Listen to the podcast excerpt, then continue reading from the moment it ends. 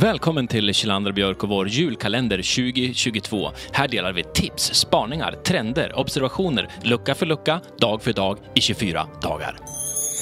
Lucka 10. Men vänta nu, leder verkligen utbrändhet till cyberbrott?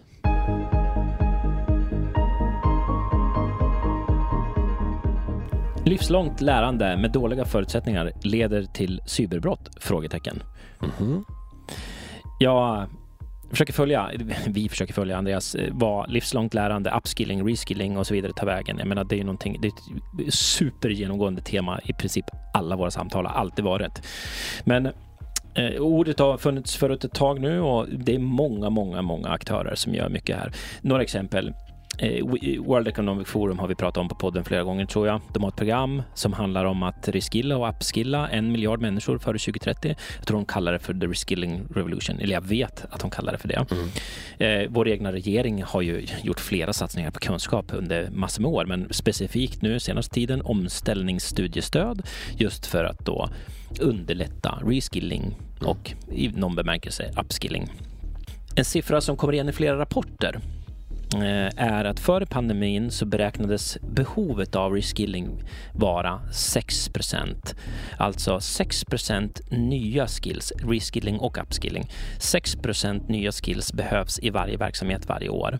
Det, kommer, det tillförs alltså uppgifter som man inte har täckning för. Mm. I, kan, man kan säga att det är förändringstakten ja. är 6 då. Mm. Eh, siffrorna efter pandemin är 50 Oj. Så eh, det här har eh, World Economic Forum på sin sajt också, men som sagt, det finns i flera rapporter, specifikt också den här rapporten som jag tittat på från Plural Site. All right. Mm. Jag tror att ni som lyssnar, jag tror att du Andreas förstår förändringstrycket.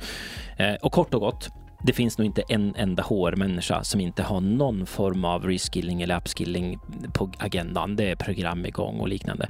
Men ordet är ganska nytt. Strategierna är ganska nya och våra beteenden är, håller på att ändras till kunskap. Eh, specifikt då kring att man människor själv tar större ansvar i sitt egna livslånga lärande än innan och det är någonting som vi liksom uppmuntrar. Eh, det har vi pratat om mycket också Andreas. Så hur går det här då? Mm. Och kommer skillsen i den takt vi behöver? Är det skitbra stämning överallt? Det har jag spanat på. Mm. Spännande. Så rapporten här då, eh, Plural Site, State of Upskilling in Tech 2022. Jag har mycket tech-hatt på mig här på julkalendern inser jag. Eh, här har man frågat eh, 725 teknologer i USA och Europa för att få en så kallad holistisk bild kring upskilling specifikt. Jag tänkte göra fyra snabba takeaways från rapporten här. Mm. Jag börjar med fyran i liksom prioriteringsordning för mig då, hur, hur bra jag tycker de är. Nummer fyra. Jobblivbalansen och inte tillräcklig kompensation är huvudanledningen till att en techie byter jobb. Det vill säga man går inte till någonting, man går ifrån någonting.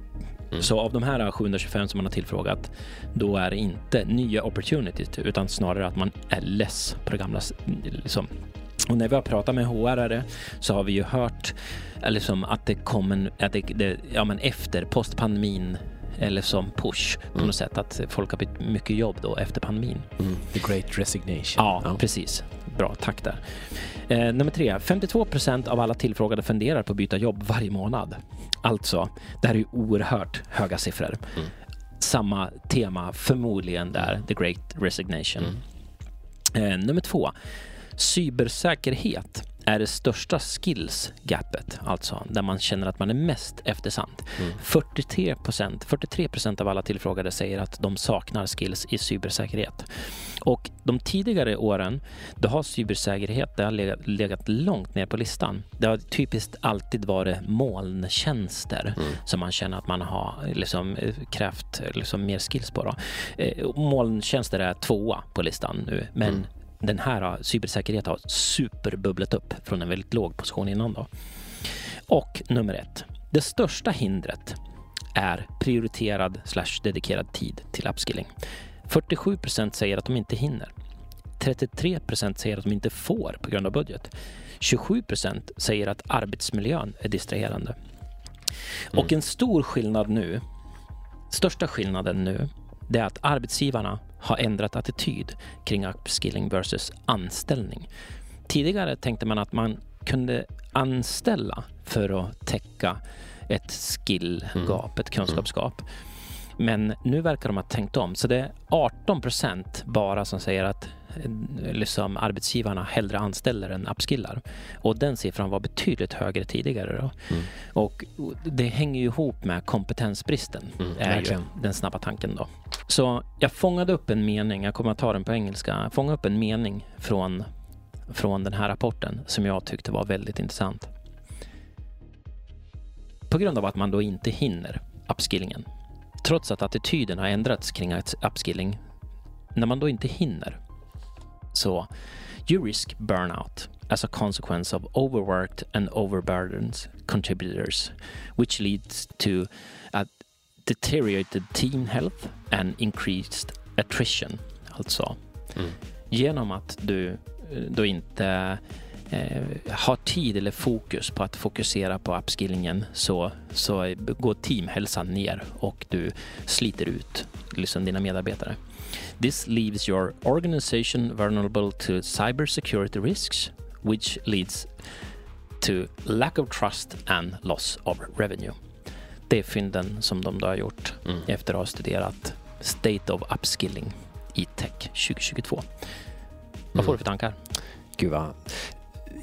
Det jag, den första tanken jag får är eh, att den, du med luckan, tänker jag, det nyanserar ju också baksidorna av en avsaknad av reskilling eller upskilling. Jag tycker att det är lätt att vi ser det i ljuset av eh, hänga med, vara konkurrenskraftig, eh, liksom vara fortsatt innovativ på marknaden, sk- liksom skapa tillväxt.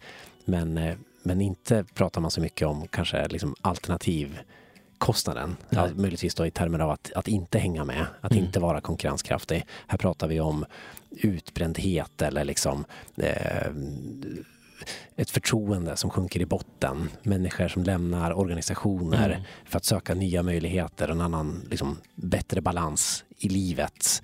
Eh, och såklart då cybersäkerheten Mm. som kommer in då i någon form av, tänker jag, eh, sätter en extra, ska man säga, en extra krydda Mm. på det här med en ny världsordning där det är Ja. än viktigare än någonsin tidigare. Så, och kanske just därför plockar de upp den trenden att den spetsar till den i, i, i liksom formar den kring det. Men jag tycker, så, så med det sagt så tycker jag att eh, cybersäkerhetsfrågan är ju såklart asviktig. Men de andra delarna kring utbrändhet, kring liksom en kultur i organisationer som liksom faller samman är ju minst lika allvarligt tycker jag. Jag eh, tänker själv då att fokuserar man på medarbetarna så löser det sig. Ja. Det, är Ja. ju, det kokar ner till den Ja, ja. på något sätt. Då. Men fokuserar man, tänker jag också. Det är också det här äh, avvägningen. Eh, om man själv ska ta det där, alltså fler gör sina livslångt lärande planer. Eller är, Mm. det, är det organisationens ansvar att göra det? Och någonstans förstår vi att det är någon form av möte. Ja. Men verksamheter är också olika, så det gäller att hitta den där balansen på ett bra sätt. Jag tycker ju däremot att den är... Jag testar att spetsa lite eh, som, och knyter ihop det. Alltså, gör man själv ett värdeöverlapp mellan vad man själv vill uppnå och vad verksamheten vill uppnå och kanske vad samhället ska någonstans. Den diskussionen är ju värd att ta med sina kollegor varje dag. Är vi på rätt väg? Eh, Mm. Vad har jag för roll i det här? Alltså, och där tycker jag då att man själv ska vara sin egen agent för sin egen skill. Eh, men, men mot den där Mm. bakgrunden. Så eh, snabba medskick om man lyssnar eh, på det här. Vilka nya konkreta skills tänker du själv jaga nästa år? Det kan du fundera på också Andreas. Mm. Hur säkerställer du att de är nyttiga för dig, för din verksamhet och för samhället? Alltså det, är- hur, hur gör man det Mm. konkret? Eh, jag tänker, det är ju bollning med kollega, det kan vara snack med närmsta chef etc. etc. Och om man jobbar med HR, vilken typ av systematik eh, riggar man kring det här så att riskerna som du och jag har snackat om här nu inte liksom manifesteras Mm. så hårt? Det är ju en ganska, det är ganska enkla Mm. grejer att göra, Mm. tänker jag. Verkligen. Ja, jättebra. Ska vi stänga luckan? Ja. Ja. Hej! Där, hej. Där stänger vi den. Jaha, Då var luckan stängd. Fick du någon ny tanke? Fick du kunskap? Känner du inspiration? Dela gärna dina tankar. Dela gärna avsnittet. Följ oss på Instagram. Häng med oss på LinkedIn. Prenumerera gärna på podden. Och du, god jul!